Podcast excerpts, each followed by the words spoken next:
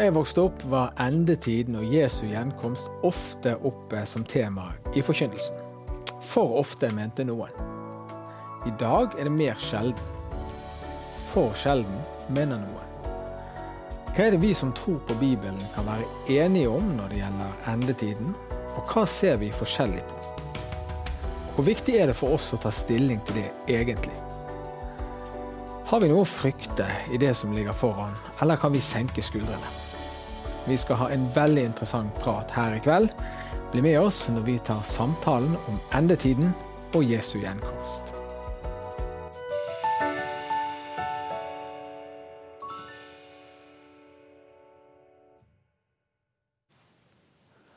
Jeg har med meg en veldig interessant gjest eh, først i denne sendingen, som var med oss også her på tirsdag. Øyvind Gårde Andersen, velkommen til deg. Takk skal du ha. Du underviser på høyskole for ledelse og teologi, og har vært en av eh, autoritetene i pinsebevegelsen når det gjelder teologi. Eh, og dette temaet som vi skal snakke om i dag, hvor nærme ligger det ditt interessefelt? Vel, det er jo viktig og Samtidig så tror jeg det at det er et område hvor vi må få lov å ha takhøyde for at eh, vi kan tenke ulikt. For det er jo kompliserte spørsmål når det gjelder å tolke hva Bibelen sier. Altså, eh, Jesu disipler spurte han gjenreiser du på den tid riket for Israel.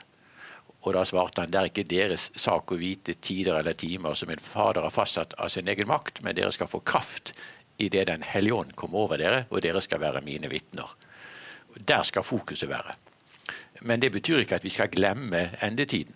For er det en sannhet som er viktig, så er det jo at Jesus kommer igjen. Og dette er noe som alle kristne, på tross av ulik tenkning om endetidsbegivenhetene, kan være enige om, i hvert fall absolutt bør være enige om. Jesus kommer igjen. Ja, vi begynner der. For det er én ting som samler bibeltroende kristne når det gjelder endetiden. Er det andre ting som det er konsensus om, som de aller fleste er enige om? Det er nesten sånn at man kan svare nei. Eh, hvis du tar eh, litt lenger tilbake fra reformasjonstiden og framover i reformasjonstidens tenkning, så, så, tenkte man vel ikke eh, sånn veldig detaljert om Jesu gjenkomst, men Jesus kommer igjen. Og Ofte så er det slik at man har sett alt som én begivenhet, at Jesus kommer igjen, og endetidsbegivenhetene skjer knyttet til det at han kommer igjen. Senere er jo det kommet en tenkning hvor man oppdeler Jesu gjenkomst i flere faser, men her spriker jo oppfatningene. Ja, vi skal jo bore litt i det i denne sendingen. Eh, men hvis vi kan si litt om det. Hva er det folk ser forskjellig på sånn i grove trekk? Og vi holder oss innenfor de som tror på Bibelen. Hva er konfliktlinjene, om du vil? Ja, Et konfliktlinje er jo faktisk spørsmålet om tusenårsriket. Eh, skal vi tolke dette med tusenårsriket bokstavelig, eller skal man tolke det mer symbolsk? En oppfatning har vært at tusenårsriket gjelder menighetens, kirkens tidsalder. Eh, og den oppfatningen finnes i dag. Eh, så her deler egentlig oppfatningene seg etter hvordan man tenker om tusenårsriket de som tror at tusenårsriket eh, skal tolkes som en eh, helt konkret tidsperiode. Eh, der taler man gjerne med et syn som kalles premillennialisme, altså tusenårsriket millennium på latin. Så har vi amillennialisme, de som tolker dette på en eller annen måte mer symbolsk, eller om menighetens tidsalder. Og så har man postmillennialisme, hvor man fokuserer på Jesu, det som skjer etterpå. Men Eh, I dag er det også aktuelt f.eks. i karismatiske sammenhenger, hvor vi tradisjonelt gjerne har sett det slik at eh, i endetiden så vil det bli mørkere og mørkere, og motsetningen mellom ondt og godt vil tilta. Djevelens makt vil øke på, det vil kuliminere med Antikrist. Så det er andre som tenker mer sånn at Guds rike skal gå frem mer og mer, og verden skal faktisk bli nærmest helt og fullstendig kristnet fram mot eh, Jesu gjenkomst.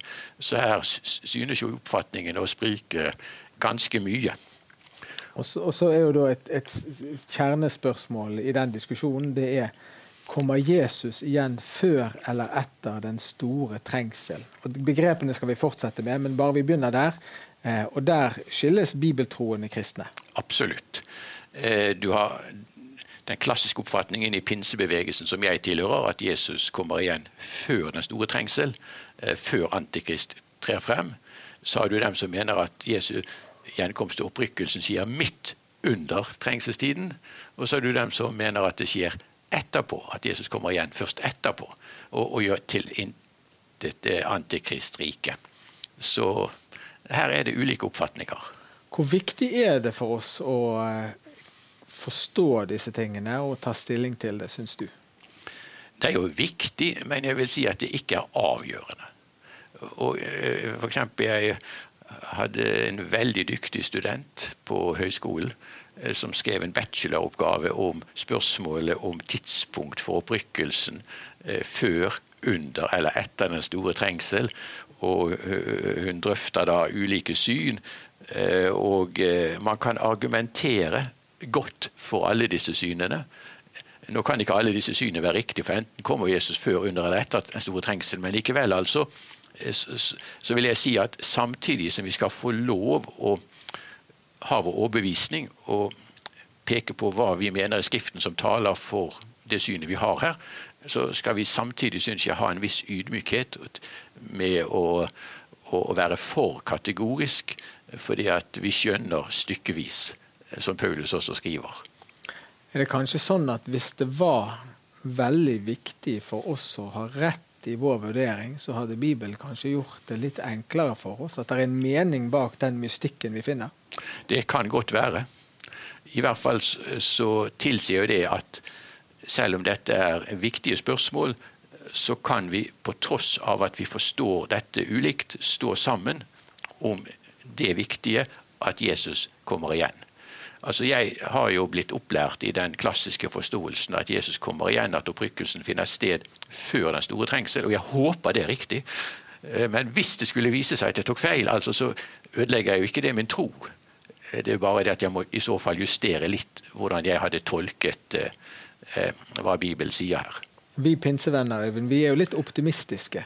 Vi vil jo helst at det skal, tror helst at det skal gå godt. Absolutt. Kan det være noe av det? Gilbrandt sto jo for denne linjen. Emanuel Minos og Kornmo, disse høvdingene i pinsebevegelsen.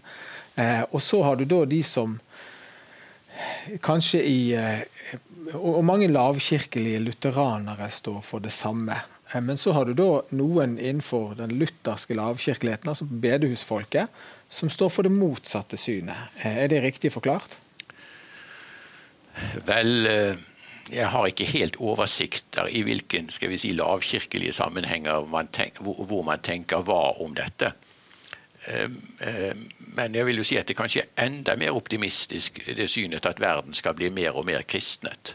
Og akkurat der kan jeg nok ikke henge med, for jeg synes at Bibelen tegner opp for oss et bilde hvor konfrontasjonen mellom Guds rike og djevelens rike skal bli sterkere og sterkere så at det vil kuliminere med, med en åndskamp mellom eh, det som beskrives som antikrist og, eh, og eh, den tiden som han skal råde på jorden, og det som Guds rike representerer. Det å tro på en stor vekkelse, en innhøsting, er det vanskelig for deg å se for deg i din teologi? Nei, en stor vekkelse, det syns jeg vi skal ha tro på. Men altså, med all respekt for det å tenke ulikt her, så synes det nok for meg mer utopisk å tenke at hele verden skal bli kristnet, og at uh, de som er kristne, og det som kristendommen står for, skal få bli det rådende i uh, statsapparat, i lovgivning, i, i global forstand. Jeg syns ikke at det er det bildet Bibelen tegner opp for oss. Veldig interessant eh, å snakke med deg, Øyvind. Vi skal fortsette samtalen, få inn to gjester. Men før vi gjør det, så får du en sannhet fra Linda på Sanning samtalesenter.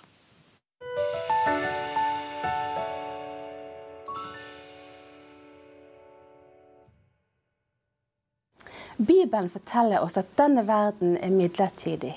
At det kommer en dag da det vi ser rundt oss, skal ta slutt.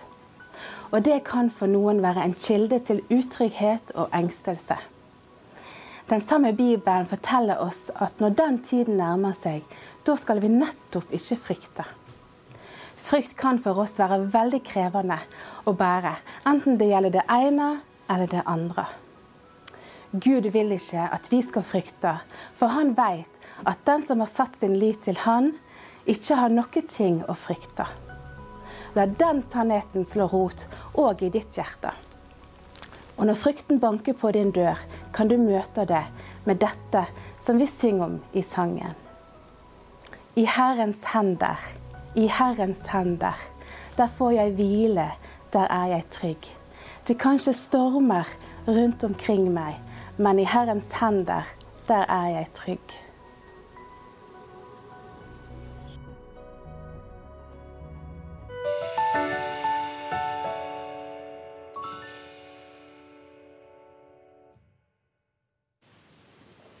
Vi har fått inn to nye fine gjester i studio. Gunstein Nes, forkynner mye indremisjon. Velkommen til deg. Takk. Og Sofie Braut, du er kommentator i Dagen. Velkommen Ja, til deg. Takk skal du ha. Begynner med deg, Sofie. Eh, har ikke hørt deg snakke så mye om endetiden. Eh, hva forhold har du til eh, dette som vi nå snakker om? Ja, det er i alle fall et, eh, et område der jeg er, føler meg veldig langt fra noe ekspert. Og, og kanskje det akkurat den innskytelsen der forteller meg egentlig at, at jeg tenker nok fort på det som et område for de som har skikkelig peiling. Men jeg ønsker, jeg, har egentlig en nysgjerrighet på det, og ønsker egentlig kanskje litt mer om dette i det hele tatt. Jeg syns det er veldig spennende, og, og, Jesus snakker jo om det på en måte som gir oss grunn til å være veldig håpefulle og egentlig leve med en sånn årvåkenhet som kristne. Jeg tror det, det er ikke noe som trekker oss vekk ifra liksom, eh, at en blir sånn livsfjern, eller et eller annet i den dur, men at, at det egentlig handler om virkelig å leve det kristne livet. Da, leve i det håpet om hans gjenkomst. Kjenner du igjen i eh, min beskrivelse i innledningen her at det var snakket mer om dette tidligere? Ja, jeg, jeg har gjerne vært i en sammenheng der jeg føler det har ikke vært så, så veldig langt fremme. Men når jeg løfter blikket og hører fra ulike sammenhenger, så akkurat for meg personlig har det kanskje aldri vært sånn at jeg har møtt så veldig masse om akkurat dette. Men, eh, men jeg tror nok det, det, har vært en utvikling der, der, kristendommen generelt sett har blitt litt mer sånn eh, livshjelp her og nå, og at de, de tingene som ligger liksom litt sånn i ytterkanten det har blitt tona litt ned til fordel for mer sånn praktisk eh, livsnær eh, hjelp med, med liksom det som er, ligger rett på, eh, på, radaren for dagliglivet. da. Mm. Gunstein, du har jobbet mye med dette, vært med å skrive bok. Du er sentral i Ordet og Israel. Hvorfor opptar dette spørsmålet deg? Ja, jeg vokste jo opp uh, i Veitastrand i Luster kommune i Indre Sogn, der uh, bedehus og kirke var samme hus. Og um, kristenfolket gikk jo på det meste alle, og en del ikke-kristne òg. det var nok en del av forkynnelsen som gikk på Jesu gjenkomst, og at han måtte være rede. og noen ville kanskje si at det var på grensen til å skremme folk. Jeg opplevde det vel ikke slik, men men det var nok eh, tydelig inne, og i, i vekkelsessammenheng så, så var òg dette budskapet klart inne. og Jeg hadde jo ikke tatt noe standpunkt til eh, disse her spørsmål, så det har jeg drøfta litt i forkant her nå.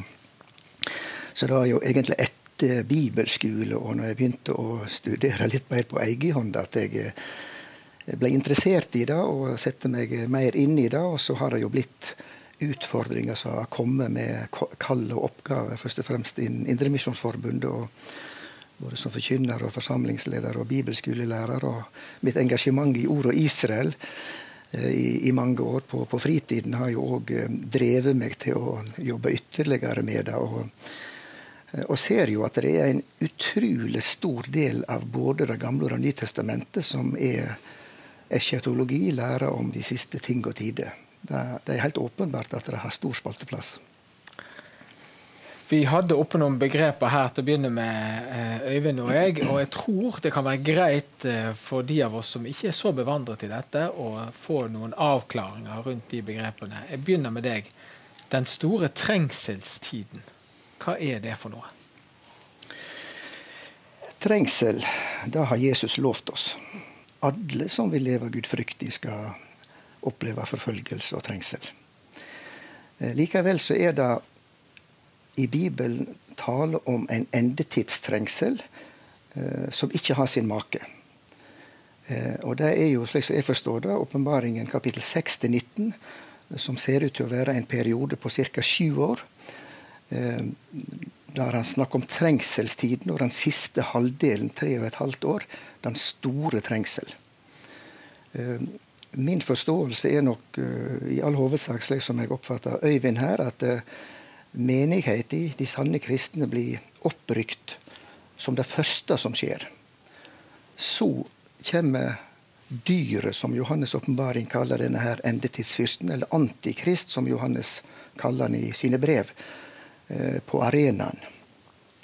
Og da går jo verden inn i ei helt forferdelig tid. Eh, og da er det ikke snakk om enkeltmennesker og enkeltgrupper som opplever en forferdelig trengsel. Men, men det er helt himmelropende ting som skjer. Eh, og Jesaja har, har, jo en apokalypse fra kapittel 24 og utover. Der, der grusomme sannheter blir sagt en gang og gjentekne. Hva som skal skje med vår stakkars jordkule. Eh, og det er forskjellen på endetidens store trengsel og den trengsel som mange mange kristne opplever i dag. Eh, så mange vil nok misforstå vårt synspunkt at vi er så redde trengsel og tror ikke at de kristne skal ha trengsel. Det er nok en misforståelse. For enkeltmennesket kan ikke trengselen bli større enn den er nettopp i dag. Åpne dører viser jo oss ganske ty tydelig disse her eh, sterke vitnesbyrd. Men, men, det kommer en global antikristelig trengsel der det òg er snakk om Guds og lammets vrede som kommer over menneskeslekta. Det er noe annet. Og det er her eh, bibeltroende kristne kan se forskjellig på om, mm. man, om, vi som tror på Gud, blir hentet og borttrykket bortrykket før eller etter mm. dette inntreffer. Tusenårsriket, Øyvind, hva er det for noe? Det er jo dette som er beskrevet i slutten av åpenbaringsboken, at eh, Satan skal bindes for 1000 år, og at det blir en fredsperiode på jorden. Eh, under Kristi herredømme eh, en godhet og fredens tid som verden aldri har opplevet. Eh, og så, etter tusen år, så skal Satan slippes løs igjen og forføre jordens befolkning nok en gang. Det er noen få vers i åpenbaringsboken. Og her er det da ulike oppfatninger kommer inn. Og hvordan man forstår dette, det avhenger også i stor grad av hvordan man forstår hele åpenbaringsboken. For Eh, det klassiske også i pinsebevegelsen, like som eh, synet som du har fra din bakgrunn, er jo at åpenbaringsboken beskriver på en profetisk måte fremtidsbegivenheter. Mens andre vil lese åpenbaringsboken som en samtidsbeskrivelse av hva som skjedde i Romerriket, og, og, og, så trekkes lærdommer ut av dette. Og Dermed tolker man jo eh, det hele på veldig ulik måte pga. det. Eh, Eh, noen vil altså da forstå eh, dette med tusenårsriket eh, f.eks. som menighetens tidsalder, at Kristus regjerer gjennom menigheten nå. En av de ledende karismatikere i presbyteriansammenheng, Rodman Williams, han argumenterer for det. Mens en veldig kjent evangelikal teolog, George Eldon Ledd, han argumenterer for tusenårsriket. Og Da gir han som argumenter teologisk at, uh, at det er noe her at uh, vi ser at Guds frelseshistorie skjer i ulike uh, tidsepoker. Og kanskje, sier han, det er også et poeng i det at når Guds dom kommer endelig til sitt sluttpunkt, at da Gud skal vise seg rettferdig i sin dom, og at derfor denne muligheten til å bli forført selv etter denne vidunderlige fredsperioden, eh, at den er der, og at menneskene fortsatt, på tross av det som lar seg forføre, eh, at det er med å vise rettferdigheten i Guds dom. Slik argumenterer han bl.a. for at dette med tusenårsriket skal forstås som en reell tidsperiode, og ikke bare eh, eh, som en, noe symbolsk eller tolkes på andre måter. Hvis jeg bare kan få lov å tilføye en sak også i forbindelse med dette, at det kanskje er mindre av endetidsforkynnelse nå enn det var, så tror jeg at én grunn til det også er at man kanskje forkynte litt for skråsikkert om tegn på Jesu gjenkomst, og, og, eh, så viste det seg at det man hadde forkynt, kanskje ikke inntraff. At det viste seg å være uh, på en annen måte. Og, det har kanskje skapt en viss tilbakeholdenhet når det gjelder å ta opp disse tingene. Og Det er noe med disse pendelbevegelsene, at man kan gå fra et ytterpunkt til et annet. Så jeg tror at uh, vi skal ta med oss lærdommer også når det gjelder dette.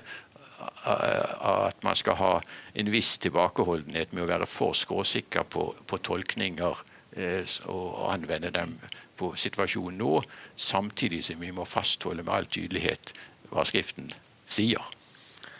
Sofie, jeg har eh, vokst opp i forskjellige sammenhenger i, i, mitt liv, der jeg både har eh, stått under denne læren til Gilbrandt, eh, som sier at vi skal rykkes bort før trengseltiden.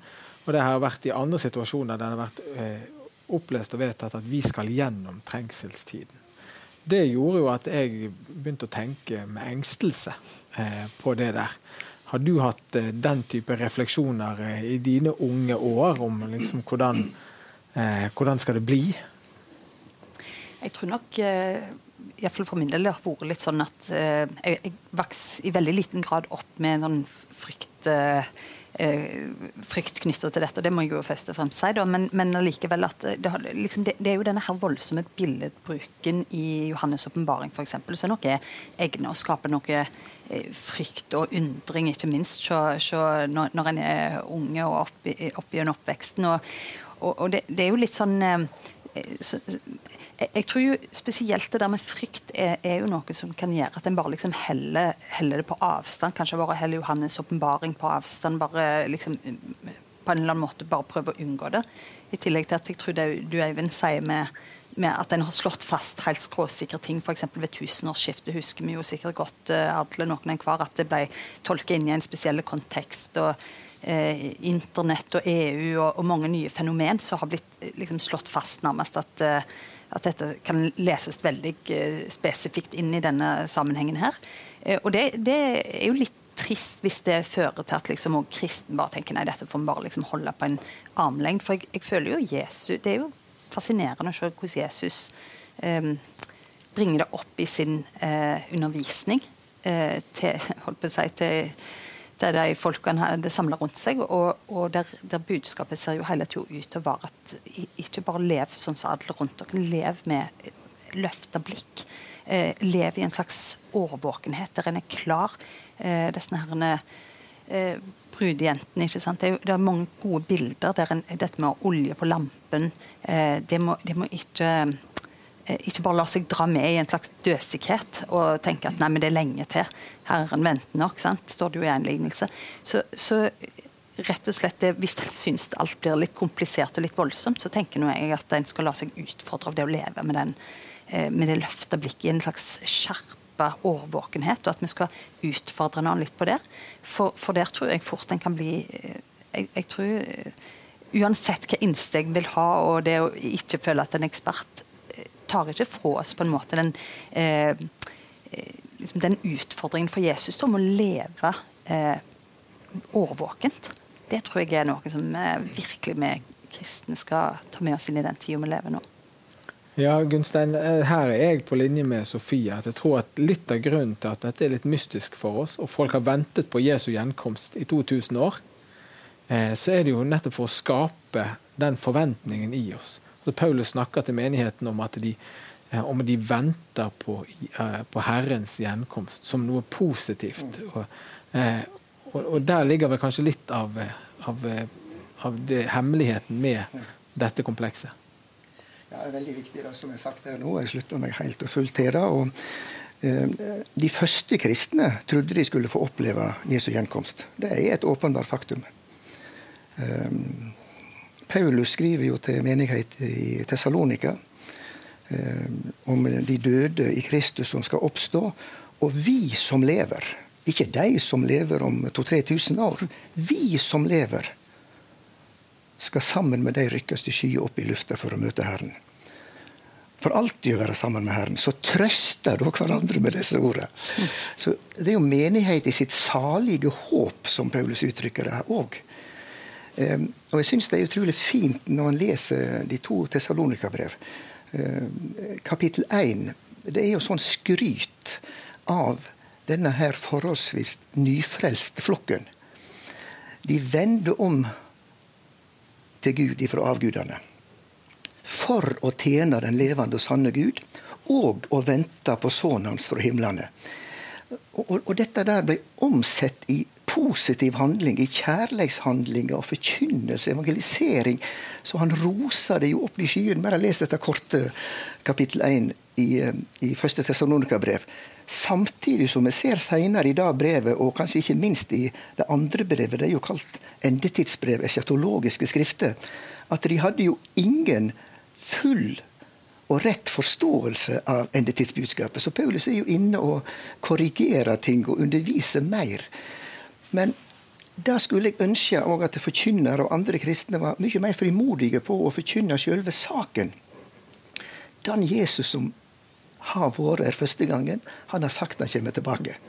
Og Jeg ser ut for meg at alle kristne, i trengsel, lidelse og alt som livet har byr på, skal kunne ha det håpet kanskje Jesus kommer meget snart. Så de siste tider de begynner egentlig ved Jesu første komme. Og, og, og Derfor så er det jo dette med, med tolkning av endetidstegn. Det er det er en uh, litt vanskelig kunst. Mm. Fordi at uh, krig og rykte om krig, det har det jo vært hele tid. Jordskjelv, store jordskjelv, uh, det er det jo nå. Men det har jo òg vært en del tidligere.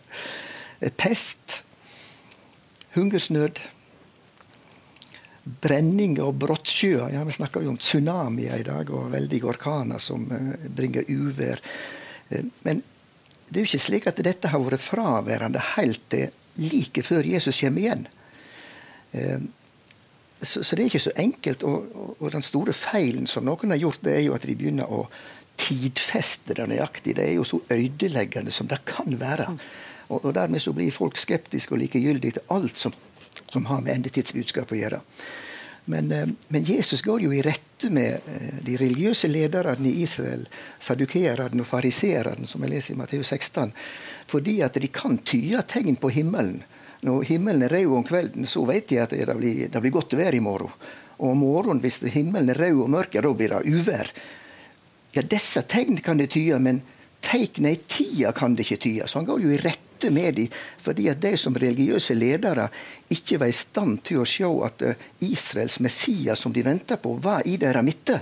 Og han gjorde de tegn som skulle følge Messias' komme. De var helt blanke på det, så han går jo i rette med dem. Og det får jo vi ta til oss òg, hvis, hvis, vi sier 'salig er den som ikke leser og ikke hører de profetiske ord i denne boka'. Det er ikke en sånn saligprisning i starten av Johannes' åpenbaring. Det er 'salig er den som leser og hører'.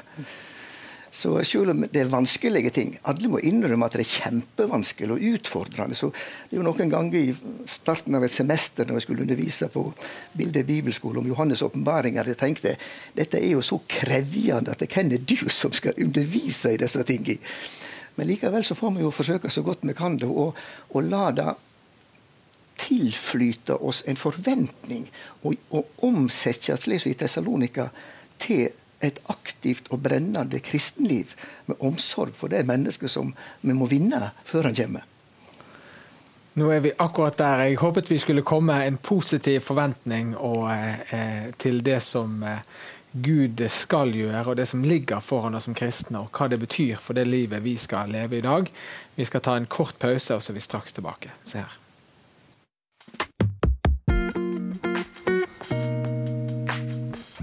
Takk for at du ser på programmet vårt. Og hvis du liker det vi gjør, så vil vi invitere deg til å være med og støtte oss. For vi kan bare gjøre dette så lenge seerne holder oss på luften. Så send gjerne din gave på VIPS 76 38 05. Så er du med på og hjelper oss til å gjøre disse programmene, men òg å skape nye. Så takk for din støtte på VIPS 76 38 05. Gud velsigne deg.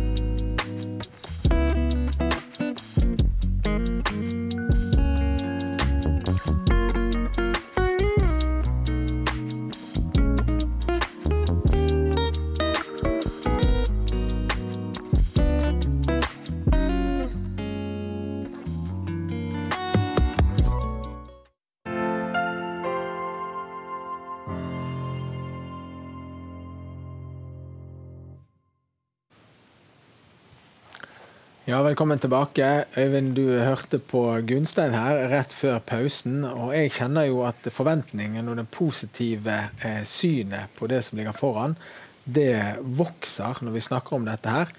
Og så er dette med frykt fortsatt noe som, eh, som folk knytter til denne forkynnelsen. Ja, jeg er jo vokst opp med en veldig radikal endetidsforkynnelse.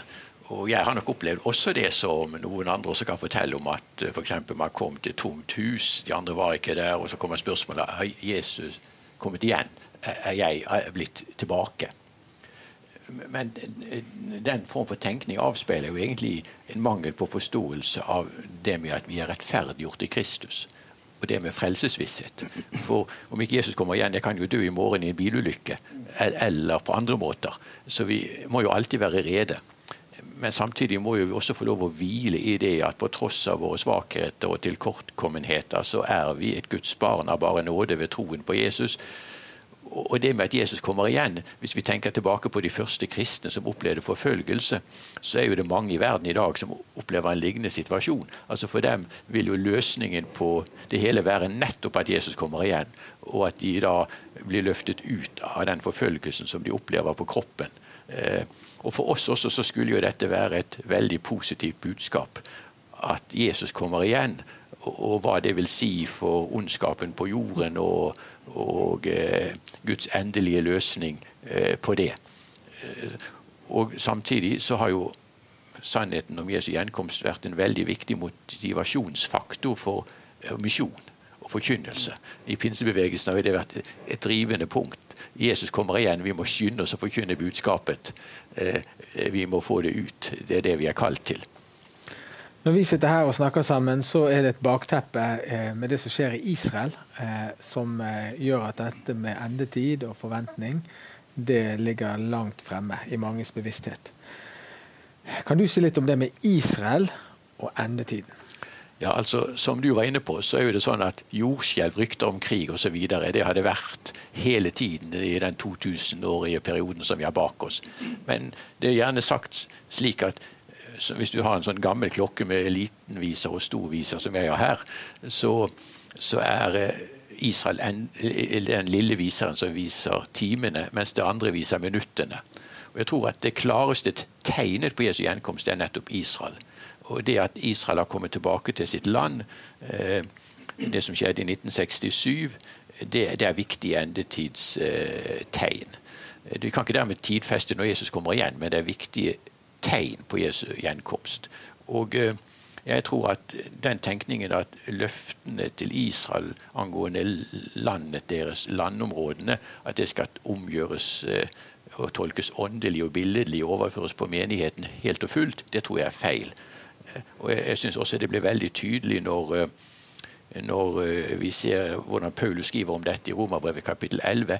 Hele Israel skal bli frelst. Og Det tilsier at da er ikke jødene bare spredt omkring i alle mulige slags land, men da er israelsfolket samlet i, i det landområdet som Gud har gitt dem. Og Dette er noe vi skal få se fram til. Jeg, tror at eh, også med tanke på dagens situasjon, så er den profetien som Zakaria gir i kapittel 12 vers 10, at de skal se opp til ham som de har gjennomstunget, og de skal gråte sårt over ham. Eh, som de altså i sin tid forkastet. De, Jesus skal åpenbare seg. De skal få se at Jesus virkelig var den Messias de ventet på. Og dette er noe som ligger foran. Så det gir jo perspektiver. Og Hvordan nå situasjonen i dag vil utvikle seg, det vet vi ikke. Men det, om ikke annet så er det nok forpostfektninger for hva som jeg tror kommer av endetidsbegivenheter, hvor Gud skal gripe inn å redde Israel. Ja, eh, og Da er det to begreper som vi må eh, løfte opp. Det ene det er Gog-krigen. Og det andre er Armageddon. Eh, og jeg vet at Det er to voldsomme ting, men jeg kaster den ballen til deg, Øyvind. Ja, jeg, jeg, tror jeg skal være litt forsiktig med å uttale meg for kategorisk når det gjelder tolkningene av Gog og Magog, eh, og hvordan vi skal tolke det helt konkret. Eh, der tror jeg vil være litt forsiktig. Eh, men det de i hvert fall taler om, det er at Gud skal skripe inn og redde Israel i en forferdelig eh, situasjon. Man har jo ikke sant det, hvilken land er det det taler om der, Ross osv. Og man har hatt diskusjoner om det. Så jeg tror jeg skal avstå fra å spekulere for mye. Gunstein, vil du spekulere? Det er mange vanskeligheter knytta til Gog-krigen i Esekiel 38 og 39. Samtidig så står det jo en del ting Disse navnene som er brukt der, er det nok delte meninger om. Eh, Ross, Mesek og Tubal. Noen mener jo at her har du navn som du finner igjen i Russland, Moskva og Tubolsk. Ja. Eh, andre mener nok litt andre ting der. Men det som uttrykkelig står, det er jo at det kommer en hær fra det ytterste Norden.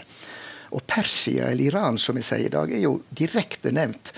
Og, og navn som uh, før var brukt på Libya og ja, Nå står det Etiopia, men det er vel iallfall sør for Egypt. Eh, så, så, akkurat det er jo litt interessant å, å, legge merke til, ikke minst når jeg ser det hatet som har kommet fra Iran i senere tid, som er jo helt vanvittig, spør du meg.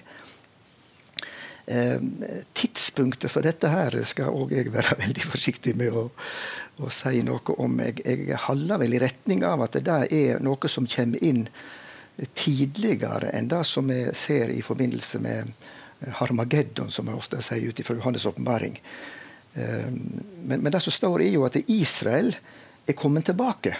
Og Israel bor trygt. Og jeg er helt enig med deg at dette her med Israel sin eh, tilbakekomst til landet sitt, som han ga Abraham, Isak og Jakob, eh, det, er mer overbevisende enn alle disse andre ting. Det er jo både teknologiske ting og Eh, politiske, religiøse, moralske tegn, natur, eh, tegn i natur og univers og alt mulig som, som, er nok vanskeligere å si hvor langt det er kommet, men det kan jo vekke oss da òg. Men dette her, at Israel er kommet tilbake, eh, det er jo så krystallklart forkynt i mange av de gammeltestamentlige profetskrifter at det der firer jeg ikke veldig mye. Eh, og Hvis vi ser Esekiel 36, veldig interessant, for første del av Esekiel 36, da skal profeten forkynne til Israels fjell og hauger, bekker og daler, ruinhauger og byer som er lagt i grus, og forkynne at eh, det skal bli en positiv forandring. Senere i det samme kapittel så er det et profetisk budskap til Israels folk. Og, og Budskapet til landet og folket det faller jo fullstendig sammen. Eh, og Dette taler jo også Nytestamentet om. Jesus taler jo i endetidstalen som vi finner i Matteus 24 og 25, men òg i Lukas 21. Og der I Lukas 21, 24 sier han jo at eh, Jerusalem skal ligge nedtrakka av hedningenasjonene inntil hedningene sine tider er til ende. Og Som du viser til i, i Romerbrev 11, som er jo kjempeviktig i dette her, Forherdelse kom over det jødiske folk etter Jesu død, oppstandelse, himmelfart og, og, og pinse. Paulus' i store sorg. Og det er blitt åpenbara en hemmelighet for han at denne forherdelse skulle komme inntil hedningene sin fylde er kommet inn. Altså en stor skare av oss ikke-jøder. Og såleis skal hele Israel verta frelst, som skrevet står. Så, så han linker det da til Jesaja 59 Eh, fra Sion skal utfrieren komme, han skal rydde gudløse bort fra Jakob. Og Hvis han går inn og leser i slutten av Jesaja 59, og så leser han videre inn i kapittel 60, det er jo ikke noe kapittelinndeling i utgangspunktet, så ser han jo at der er det jo tale om at frelsen da blir knytta til landet deres. Hvem er disse som kommer flygende som, som uh, skyer, som duer til sine dueslag? Disse som kommer med Tarsis-skip, det er jo Spania, så det gamle navnet på Tarsis. Det er jo et budskap om at jødefolket skal samles. Og så skal det skje at de skal skå opp til han som de har gjennomstunget. Uh, ja, nok om det. Kjempeinteressant, Gunstein. Sofie, vi snakker om Israel. Eh, nå er jo du journalist eller kommentator, eh, og så ser du det som utspiller seg. Mm. Eh, som vi må på en måte ta stilling til ut ifra våre forutsetninger. Det er interessekonflikter, det er internasjonal juss, det er menneskeskjebner på begge sider. Klarer vi å holde det der oppe samtidig som vi ser på den profetiske klokken som, som disse snakker om, at Gud holder på å gjøre noe mm. med Israel? Ja, det er jo et veldig stort spørsmål. Jeg tror jo um, jeg, jeg, er jo usikker på det, da, om en klarer liksom å holde Jeg, jeg oppfatter vel kanskje at mange på en måte òg melder litt pass der at det blir for, for stort, og at det er noen sånn ferdigtrakka løyper uh, i, i, norsk uh, liksom, politisk debatt som gjør at en del blir liksom nærmest redde for å, for å si noe i den sammenhengen. Jeg tror, uh, jeg tror for så vidt det har vært litt sånn en oppvåkning nå bare de siste ukene her, og, og at en vil se kanskje at blant en god del som i hvert fall ønsker å ta Bibelen på alvor, da, får en ny interesse for alt som skjer og utspiller seg. altså Rent bortsett fra bare det at det, det, det utgjør eh, en så stor del av nyhetsbildet vårt, men gjør at folk vil, vil, vil søke mer kunnskap egentlig om, om, dette. Jeg håper jo det.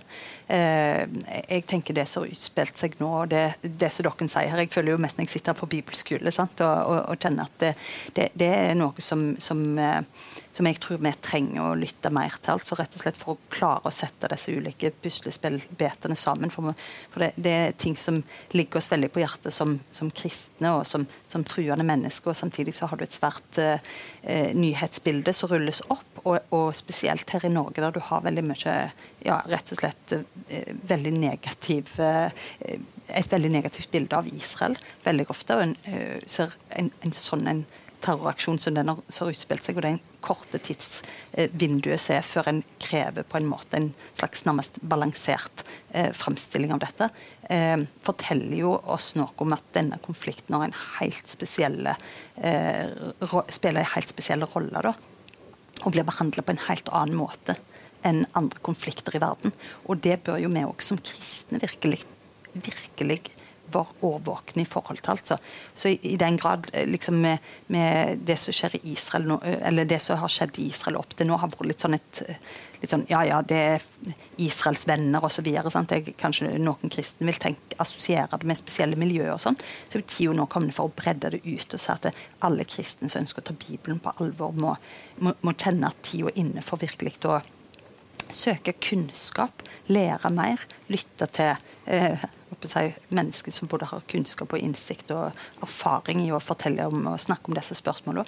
Eh, jeg, jeg, jeg, jeg, tenker litt sånn om det akkurat nå. At det, det bør være en oppvåkningstid for, uh, for, oss som, eh, som, ønsker å ta trua på alvor. Da, ta Bibelen på alvor.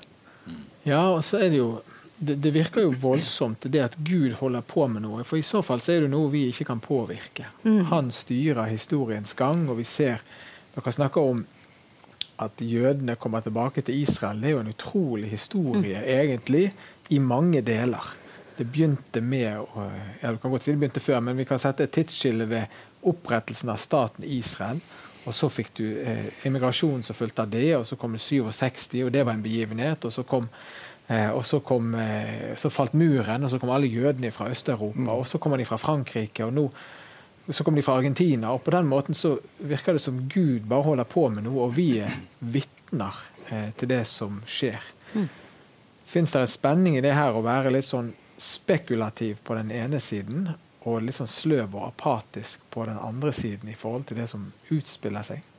Jeg tror iallfall det er et sannhetsøyeblikk om hvor en plasserer seg. Det er, sånn, det er tid som kanskje avslører litt uh, hvor en er akkurat når det gjelder det. Noen blir veldig dratt mot det å spekulere, og, og sånn som vi snakket om her tidligere.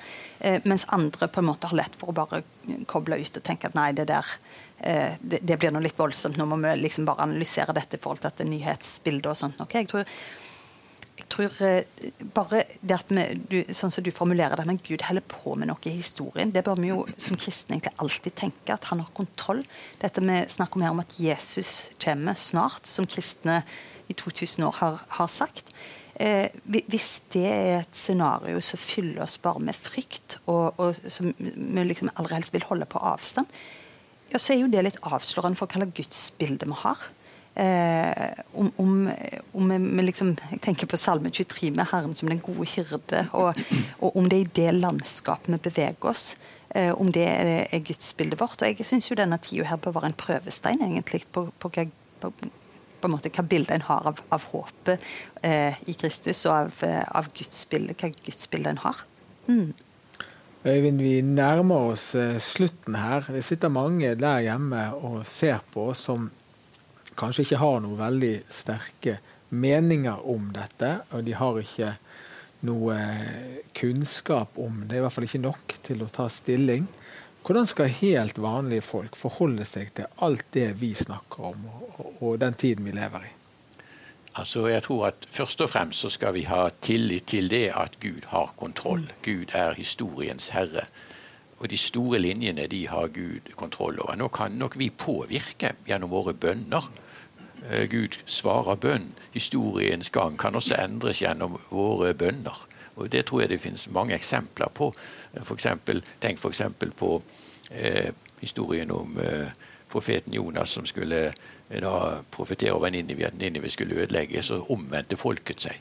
Og det som han hadde profetert, skjedde ikke. altså. På den måten kan nok vi påvirke, men samtidig har Gud de store linjene klare. Og de vil gjennomføres i henhold til hans løfter. Men da skal vi få lov å hvile i tillit til Gud og hans kjærlighet, hans omsorg og hans makt. Og Jesus kommer igjen, det, det skal vi eh, la oss oppmuntre av og glede oss over. Da skal vi få se det som vi nå tror på. Da skal vi få oppleve virkeligheten av det. Så midt oppi alle vanskelighetene så skal vi få lov å se fram med glede og forventning. Eh, Jesus kommer igjen. Vi kan være usikre på detaljene her, men han kommer igjen. Og det skal vi få lov å se frem til med glede. Og vi skal hvile i at vi er Guds barn ved troen på Han eh, og Guds omsorg for oss. Gunstein, du er blitt en voksen mann. Eh, du har eh, forkynt eh, dette her i hele ditt liv, og så ser du den tiden vi lever i, og det bakteppet som vi har. Hva gjør dette med deg og din forkynnelse de, de årene som ligger foran? Ja, Jeg får jo ofte spørsmål, og de vil ofte ha tema, så det er ikke bare jeg sjøl som styrer hva jeg forkynner. Jeg ønsker jo gjerne å forkynne både forsoning og tjeneste og nådegave og hele Guds råd til frelse, men det, blir jo en god del utfordringer som går på dette her med endetid og, og Jesu gjenkomst. og jeg sitter og tenker akkurat det samme som er sagt her nå, at det, det er jo nærmest et paradoks at Gud har sin plan, og ingen kan stanse han. Samtidig så oppfordrer han oss til bønn, bl.a. be om fred for Jerusalem og, og, mange andre ting. Det har ikke fordi det ikke ber. Det ber og får ikke fordi det ber ille og vil øre opp i lystendrykka, sier Jakob, Jesu halvbror. Så det er, det er, jo vanskelig for oss, men Gud vil ha oss med som medarbeidere. Eh, selv om han har sine tanker og planer som ingen egentlig kan rokke ved. Eh, så det er litt viktig at vi alltid trekker dette her inn i vårt personlige kristenliv og vår relasjon med Han som kommer. For han er jo kalt vår brudgom, som skal forenes med sin brud. Er trulova med én mann, skriver Paulus i 2. Korinterbrev 11. Eh, så, så, disse teoriene våre må smelte sammen med oss i tru, som det heter i Hebreabrevet 4, og bli, bli omsatt i en god handling. Virker mens det ennå er tid. Det blir siste ord i denne omgang. Eh, tusen takk til deg, Gunstein. Nå skal vi få en andakt om dette temaet. Se her.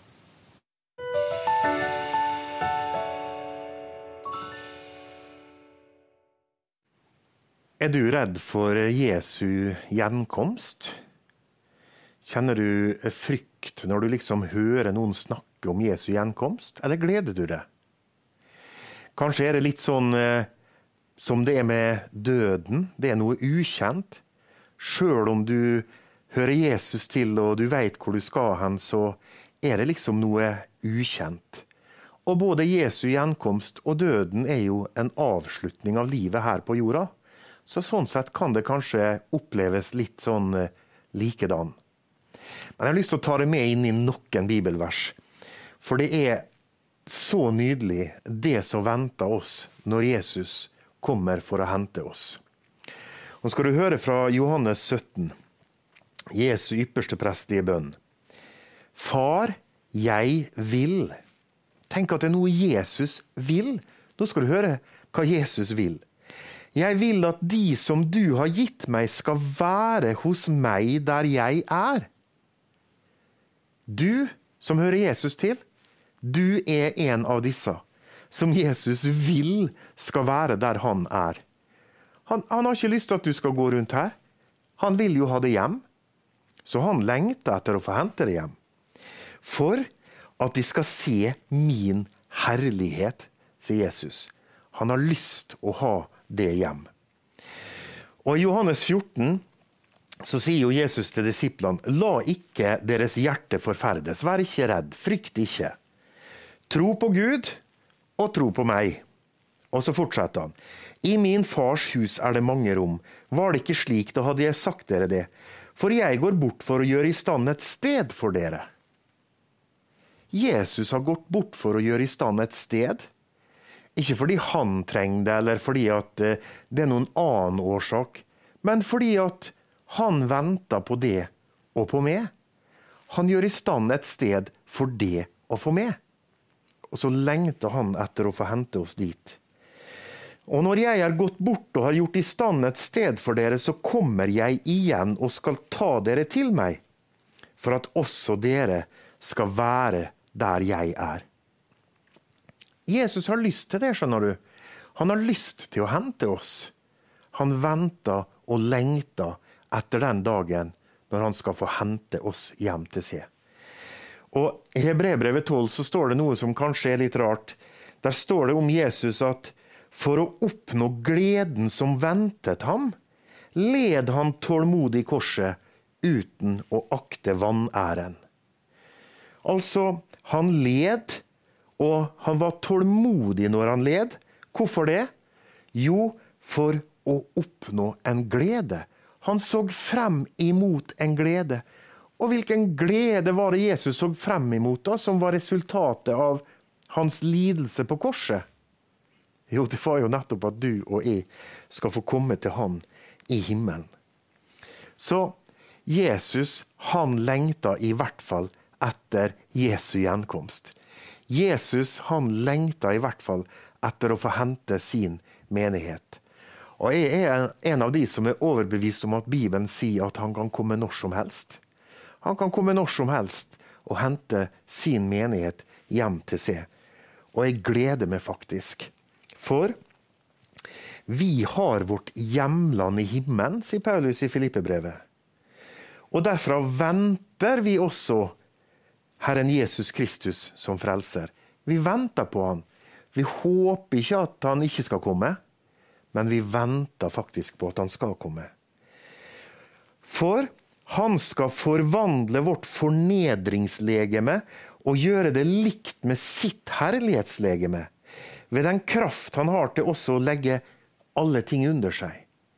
Den krafta har han, og han skal bruke den til å forvandle vårt legeme til et herliggjort legeme.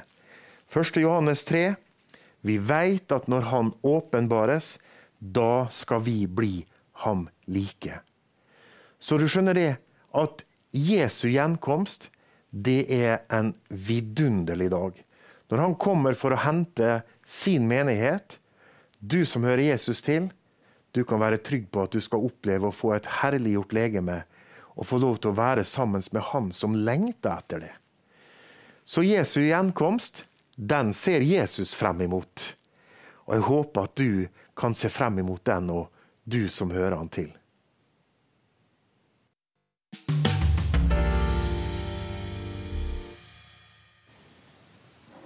Ja, tusen takk, eh, Jon Roger Nesje, for det ordet der.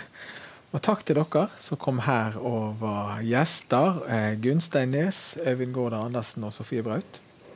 Eh, håper eh, du der hjemme eh, har eh, blitt mer interessert i dette. At ikke det har blitt mer fremmed for deg. For det er en tid for å sette seg inn i det Guds ord sier om dette. Mange måter å gjøre det på. Vi er her i ydmykhet fordi at vi ser stykkevis og delt, og det er forskjellige syn. Eh, Leif Jacobsen har skrevet en bok. Vi har hatt den oppe i våre programmer tidligere i år. Den kan være ett sted å begynne, og ikke minst i Guds ord. Det er der fasiten ligger. Og så håper jeg at du vil ta til deg det ordet som står flere ganger i Guds ord eh, når det gjelder det som skal komme. Frykt ikke. Eh, Gud har ikke kalt oss eh, inn i en fare som vi skal frykte, men han holder oss i sine gode hender. Og din fremtid er lys fordi du tilhører Han. Tusen takk for i kveld.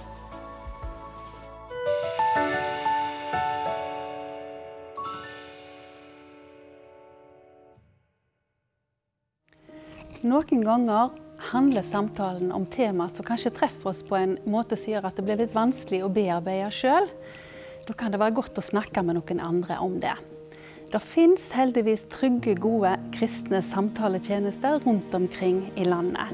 Og Her kommer det en liste over dem, så du kan ta kontakt, og de vil ta imot deg om du har et behov for å prate i etterkant av samtalen.